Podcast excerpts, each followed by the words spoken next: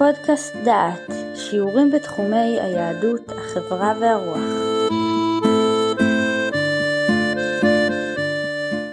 ברוכים הבאים לפודקאסט דעת, לקורס הגיל השלישי. מאת הפרופסורים אפרים יעול ויהודה אייזנברג. הגענו לפרק הרביעי, שעניינו שימוש מושכל בתרופות. מדבר עליכם יהודה אייזנברג, ואני מקווה שתשמעו, תבינו ותפיקו תועלת. טיפול תרופתי מהווה את אחת הבעיות המורכבות והמסובכות ביותר בטיפול באדם המבוגר. אני מעריך שאתם ביקרתם אי פעם בביתו של אדם מבוגר וראיתם את כמות הכדורים שעומדים על המדף ליד אה, מיטתו או במטבח שלו. לתת את התרופה המתאימה לאדם המבוגר זו מלאכת מחשבת עד כדי אומנות ממש. יש לקבוע את המינון הנכון של התרופה, לשקול את התועלת שתביא התרופה אל מול הנזק האפשרי, שהרי כל התערבות במהלך החיים באמצעות חומרים זרים מביאה תועלת ויש בה גם נזק. יש להתחשב בגורמים נוספים, גיל, שינויים פיזיולוגיים שחלו בגופו של האדם, מחלות כרוניות, מחלות כרוניות זה מחלות שילוו את האדם עד ליום מותו, מחלות חסרות מרפא. יש להתחשב בתרופות שהוא נוטל באופן קבוע, משקלו ותפקודו. אין נוסחה שתיתן את המינון המדויק. כמו בילדים, המינון מותאם למשקל. פה צריך להתאים את מינון התרופה באופן אישי לכל מטופל. למשל, תפקוד הכליות, מצב התפקוד והגיל. כל טיפול בחולה מבוגר זה כמו בגד חדש שתופרים אותו לפי מידה. האוכלוסייה המבוגרת בארץ, שהיא כוללת יותר מעשרה אחוזים מכלל התושבים, צורכת שליש מהתרופות המסופקות בארץ. הסיבה לצריכה של כמות גדולה כל כך של תרופות היא פתולוגיה מרובה, תלונות חולים על ליקויים במערכת הגוף השונות. מאידך, הגוף המבוגר נוטה להיפגע מן התרופות ומתופעות הלוואי שלהם. אז אנשים גם רוצים וגם חוששים וגם ניזוקים וגם מבריאים. כל הדברים האלה יוצרים קומפלקס מאוד מורכב.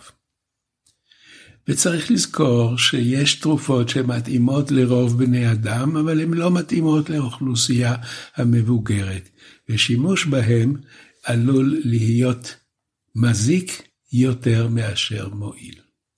החולה המבוגר צריך להבין את החיוניות של התרופה מצד אחד, ואת תופעות הלוואי שהיא עלולה לגרום לו מצד שני. הוא צריך לדעת שהתרופה שקיבל הותאמה לו באופן אישי, ואין צורך להעביר אותה למישהו אחר, או לקבל מן השני את התרופות שהרופא שלו נתן לו. וכאן אני אתן לכם כמה סיפורים העוסקים בשימוש בתרופות. הדברים האלה לקוחים מספרו של הפרופסור אפרים יעול.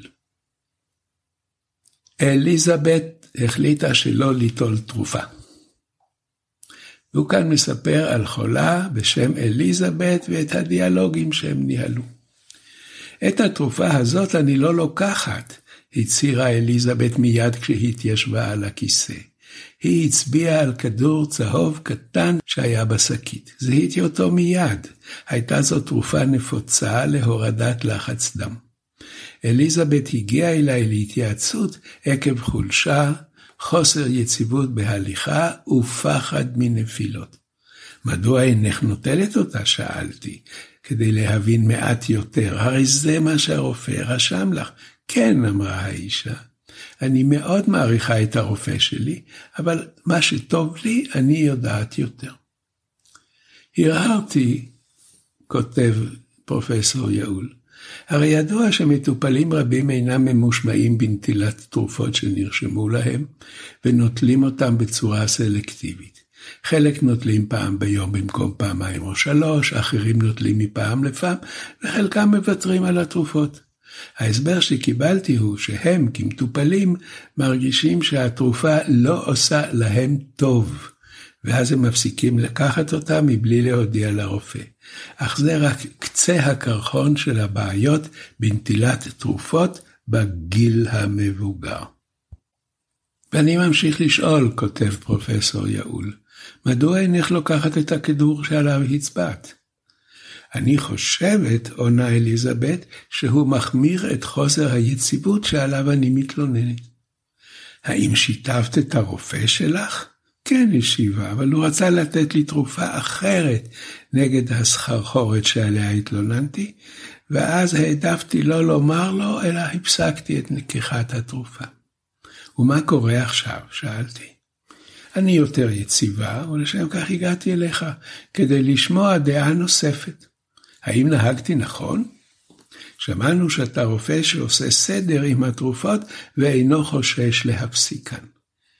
תיקנתי אותה ואמרתי, אומר יעול, שאכן אינני חושש להפסיק תרופות אם צריך, אבל רק אחרי שאני מקשיב לתלונותיו של המטופל, בודק, מקבל את ההיסטוריה הרפואית שלו, וגם אז אני מבצע מעקב כדי לוודא שלא נגרם נזק בגלל הפסקת השימוש בתרופות. התחלתי לבדוק אותה. לחץ הדם היה בסביבות 110. עמדה ואז לחץ הדם ירד.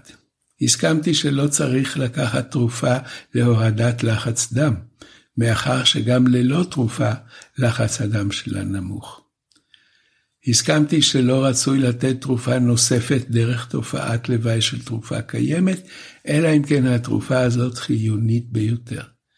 ועדיין לא הבנתי את החשש שלה מלדווח לרופא המטפל שהיא נוטלת את התרופות שהוא נתן לה. אז אם נסכם פה, זו פגישה קלאסית של רופא עם חולה, החולה אומר מה אני עושה, הוא מסתיר דברים, עושה דברים אחרת, אבל הוא עדיין לא החלים, או עדיין לא מרגיש טוב, ואז הוא מחליף רופא, והסיבוך ממשיך. נשמע עכשיו סיפור נוסף. המטופלת מרים שואלת, לקחת את התרופה לכל החיים?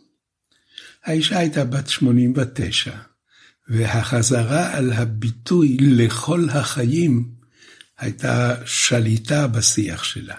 היא נראתה מפוחדת, ואני, שהצעתי לה תרופה, כמעט שחזרתי בי.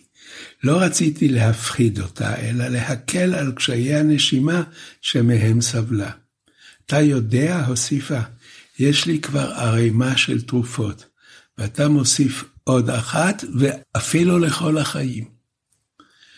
אמרתי לעצמי, היא לוקחת שבע תרופות שחלקם כלל לא מתאימות לה, ודווקא את התרופה שאני ממליץ עליה אינה מוכנה לקחת. מרים חשה מאוימת. המשמעות של תרופה נוספת התפרש אצלה כמי שמצבו מחמיר ותלותו בתרופות גוברת. הסברתי שמצבה יציב, וכל עוד המחלה או הסימפטומים קיימים, צריך את התרופה. כשהמצב ישתפר, נחשוב, נוריד מינון, אולי נפסיק. מה קורה פה? הגיל המבוגר מלווה במחלות כרוניות. האנשים מקבלים מחלות שונות שהן מלוות אותם לכל חייהם. בהתמודדות שבין התרופות והמחלות, חלק מן התרופות אינן מסוגלות לרפא באופן שלם, אלא לדחות או למנוע סיבוכים. תרופות אלה אומנם ניתנות כל החיים. את יודעת מה אמרתי? נפסיק אחת מן התרופות הקבועות ונוסיף את התרופה הזאת, ומספר התרופות שאת לוקחת לא יעלה. אולי בהמשך נפסיק עוד אחת. לגבי חששותייך מנטילת תרופה לכל החיים, אני מציע שנתחיל בחודש ימים, ונבדוק מחדש את הצורך. אם לא תהיה לה השפעה, נפסיק. אני ידעתי שזו תרופה לכל החיים, אבל רציתי לפחות להישמע אופטימי ולתת לה איזושהי אחיזה. מרים נעשתה חשדנית כאשר הצעתי להפסיק את אחת התרופות הקבועות והעסקה התבטלה.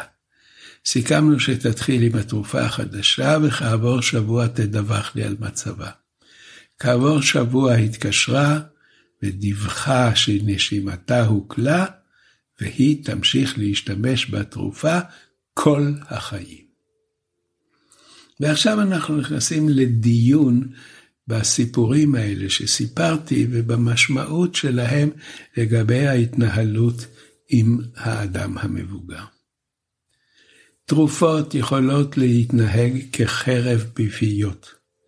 מצד אחד, בהתוויה נכונה ובמינון מתאים, הם יעזרו, יקלו וישפרו את המצב, ואפילו ימנעו סיבוכים עתידיים. במצבים רבים כמו בעיות זיהומיות ומטבוליות הן מרפאות את המחלה. מצד שני, יש עלייה בתופעות הלוואי שהתרופות גורמות להן. מטאבוליזם, למי שאינו יודע או שכח, מטאבוליזם זה התהליך של עיבוד חומרים המוכנסים לגוף והפיכתם לאנרגיה שהגוף משתמש בה. והמצבים האלה הם יכולים להפריע, אבל גם ניתן לרפא אותם. ועכשיו אני אתן לכם ידיעה שתסעיר אתכם. הקשיבו. 25% מהאשפוזים בחולים מעל גיל 80, וכך 3 עד 10% מכלל האשפוזים, הם בגלל תופעות לוואי של תרופות. אני חוזר על המשפט, הם בגלל תופעות לוואי של תרופות. התרופות יכולות לגרום לתופעות לוואי חמורות, הרעלות, נפילות, הפרעות קצב ואפילו מוות. מדובר בתופעה הקשורה בגיל המבוגר עקב ריבוי תרופות, והעלייה בפגיעות וברגישות של הגוף המבוגר לתרופות. אם כן, החשש של האנשים הוא אמיתי וקיים, אבל עדיין יש בעיות שצריך לפתור אותן באמצעות תרופות. אני ממשיך את הנושא שאנחנו עוסקים בו על הפגיעות של הגוף מתרופות בגיל המבוגר. העלייה בפגיעות הזאת נובעת משלושה גורמים שכיחים בגיל המבוגר. אחד, ריבוי מחלות כרוניות ופתולוגיה מרובה. הסבר מחלה כרונית היא מחלה שאין לה מרפא והיא מלווה את האדם כל חייו. פתולוגיה, הפרעות בפעילות הגוף ושינויים הנגרמים בגללם. אם כן, ריבוי מחלות ופתולוגיה מרובה גורמת לכך שהשימוש בתרופות גורם לפגיעה. שניים, תסמינים ותלונות מרובות באיברים שונים, והם גוררים קבלת עצות מרופאים מקצועיים מהתמחויות שונות, שאינם מתאמים ביניהם את הדרוש. אם כן, רופא אף אוזן גרון לא יודע בדיוק מה, מה אמר הרופא של אה, מערכת העיכול, והם יכולים לתת דברים סותרים. החשוב מכל, שלוש, שינויים פיזיולוגיים שחלים בגיל המבוגר ומשפיעים על פעילות התרופות. השילוב של כל אלה ביחד משפיע על יעילות, או יותר נכון, על חוסר היעילות של השימוש בתרופות. עכשיו אני ממשיך עם הסטטיסטיקות ואני מבקש לא להיבהל. לאדם בגיל המבוגר יש בממוצע שלוש מחלות כרוניות. ההשפעה המיטיבה של תרופה למחלה א' עשויה להשפיע לרעה למחלה ב'. קוראים לדבר הזה השפעת גומלין, אינטראקציה בין תרופה למחלה. למשל, תרופה נוגדת דלקת, הניתנת נגד כאבים בפרקים, גורמת להצטברות נוזלים ברגליים, מה שקוראים בצקות, ולהחמרת אי ספיקת לב. על האורתופד המטפל בכאב הברכיים לדעת על אי ספיקת הלב שממנו המטופל שלו סובל. ויש עוד דברים, ואני מתאר עכשיו את השינויים הפיזיולוגיים בגיל המבוגר. השינויים האלה משפיעים על התנהגות התרופה בגוף. כל תרופה הניטלת דרך הפה עוברת ארבעה שלבים עד לסילוקה מן הגוף. השלבים הם ספיגה בקיבה, שניים, פיזור בגוף על ידי שהם נקשרים לחלבונים בדם, שלוש, פירוק התרופה דרך אנזימי הכבד, מה שקוראים מטאבוליזם, והפרשה מן הגוף דרך הכליות. אם כן, יש פה ארבעה שלבים, וכל פגיעה באחד המעברים הללו משפיעה על התנהגות התרופה. היכולת לאבד את יעילותה או להצטבר בגוף לרמות רעילות נובעת מכשל באחד מארבעת המעברים.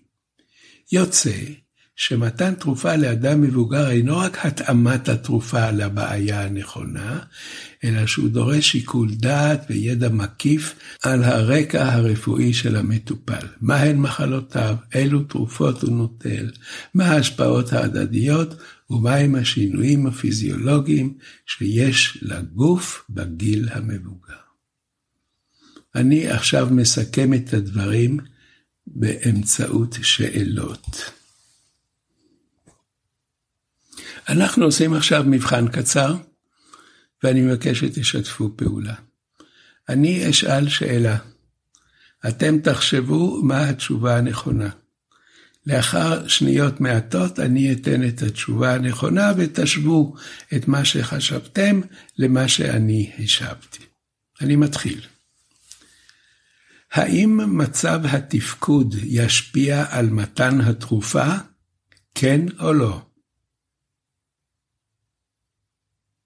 כן, מידת התפקוד של המטופל תשפיע על ההחלטה לתת תרופה. למשל, חולה חסר יציבות, עם סיכון לנפילות, אי אפשר לתת לו תרופות העלולות להגביר את הסיכון לנפילות. לא ניתן לו תרופות מדללות דם, כי הוא יוכל ליפול ויהיו לו מימים או בשטחי אור נרחבים כתוצאה מהכדורים לדילול הדם. שאלה שנייה, כמה תרופות נוטלים בארץ? בסביבות חמש, בסביבות עשר, בסביבות עשרים. אני מדבר על חולה מבוגר, כמה תרופות הוא מקבל. התשובה היא בין ארבע לחמש תרופות. בנוסף לתרופה או שתיים הניטלות בלא מרשם, וזה לא נרשם בשום מקום. מה זה ריבוי תרופות? שלוש עד חמש, שמונה עד עשר, אחת עשרה ומעלה.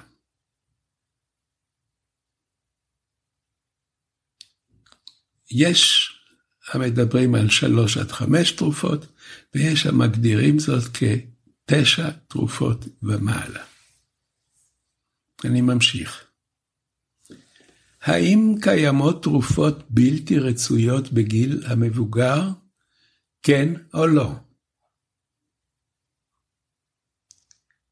כן, יש תרופות העלולות לגרום נזק רב יותר מן התועלת בגיל המבוגר, וקיים סיכון גבוה לתמותה ולתחלואה כתוצאה מצריכתן. צריך להכיר את התרופות האלה ולהימנע מלהשתמש בהן. שאלה נוספת, מהו הקשר בין תרופות לאוכל? תחשבו במשפט כללי, מיד אשיב. תשובה קיים קשר הדוק בין זמני הארוחות, סוג האוכל, השתייה ויעילות התרופות. תרופות רבות אינן נספגות יחד עם המזון, ונדרשת קיבה ריקה ליעילות הספיגה. אחרות ניטלות יחד עם האוכל כדי למנוע נזק לרירית הקיבה. אם כן, הקשר בין תרופות ואוכל צריך להיות ברור להתחשב בו ובכך לנהוג. ועכשיו אני נותן שני כללי אצבע לשימוש מושכל בתרופות בגיל המבוגר. הכלל הראשון ברפואה, וזה ברפואה כללית עוד מה, מהתקופה של הרפואה היוונית. אל תזיק. טיפול רפואי צריך להיזהר קודם כל שלא להזיק. הכלל השני הוא כי צריך להתחיל כל טיפול תרופתי במבוגרים במינון נמוך ולעלות לאט לאט למינון המקובל. וכאן אני מסכם את העניין שלנו עם המלצות למטופל המבוגר. כדאי להחזיק באיזושהי פינה בזיכרון, הרי סביבותינו נמצאים מבוגרים מאיתנו, צעירים מאיתנו, כדאי להכיר את הנושא. אם כן, ההמלצות הן אלה: אל תיקח תרופות על דעת עצמך או לפי עצת השכנים. צריך להכין רשימה מסודרת של התרופות שאתה מקבל, תשמור אותה אצלך. רצוי שבן משפחה קרוב יכיר את התרופות כדי לוודא שאתה לוקח אותן על פי ההוראות. אכן גם רשימה של תרופות ללא מרשם או תוספי מזון בשמם המכובס, אלה צריכים להיות ידועים כי לא כולם הם נוטרלים לחלוטין. בכל ביקור תראה לרופא את הרשימה והוא יגיד לך מה להמשיך, מה לדלג. אם יש לך חששות, ספר אותם לרופא. אם יש לך תופעות לוואי, ספר אותם. ולזכור, אחת מזכויות החולה היא לקבל דעה נוספת על זו של רופא המשפחה. היום זה כבר לא עלבון, אלא חלק מן התפיסה הרפואית. אז בהחלט מותר לספר לרופא מה לקחתי, מה נתנו לך רופאים אחרים, לידע את הרופא כדי שלא תהיינה שגיאות. ומה שחשוב, להיות ערני לכל שינוי שחל. טשטוש ראייה, בלבול, הרדמות. כדאי להימנע משתיית משקאות חריפים כאשר נוטלים תרופות. צריך להימנע מנהיגה ארוכה בשעה שנוטלים תרופות הגורמות לחוסר ריכוז ועייפות. ועכשיו בשני משפטים על סיכום הפרק. למדנו בפרק הזה על המבנה המסובך של נטילת התרופות. האינטראקציה בין תרופות שונות יכולה להפריע, יכולה לגרום לתופעות לוואי שליליות. כמות התרופות המרובה יכולה שלא להיטיב עם החולה המבוגר, וגם עם החולה הצעיר היא לא עושה לו כל כך טוב. צריך לקחת את התרופות לפי ההנחיה, ואני ממליץ, כשאתה מקבל תרופה, תמיד יש בקופסה דף עם ההנחיות, קרא אותם. קרא אותם כדי שלא תהיה מופתע מאיזושהי תופעות לוואי, ואתה תחשוב שמי יודע מה קרה לך, אבל בעצם יש שם אזהרה שכך וכך מרגישים אחרי התרופה. המסקנה, תהיה זהיר, קרא את ההנחיות, אל תיקח תרופות מרשם בלי הוראות ואל תפסיק בטיפול על דעת עצמך. ואם כל אלה תעשה, אנחנו מבטיחים לך אריכות ימים. להתראות בשיחה הבאה.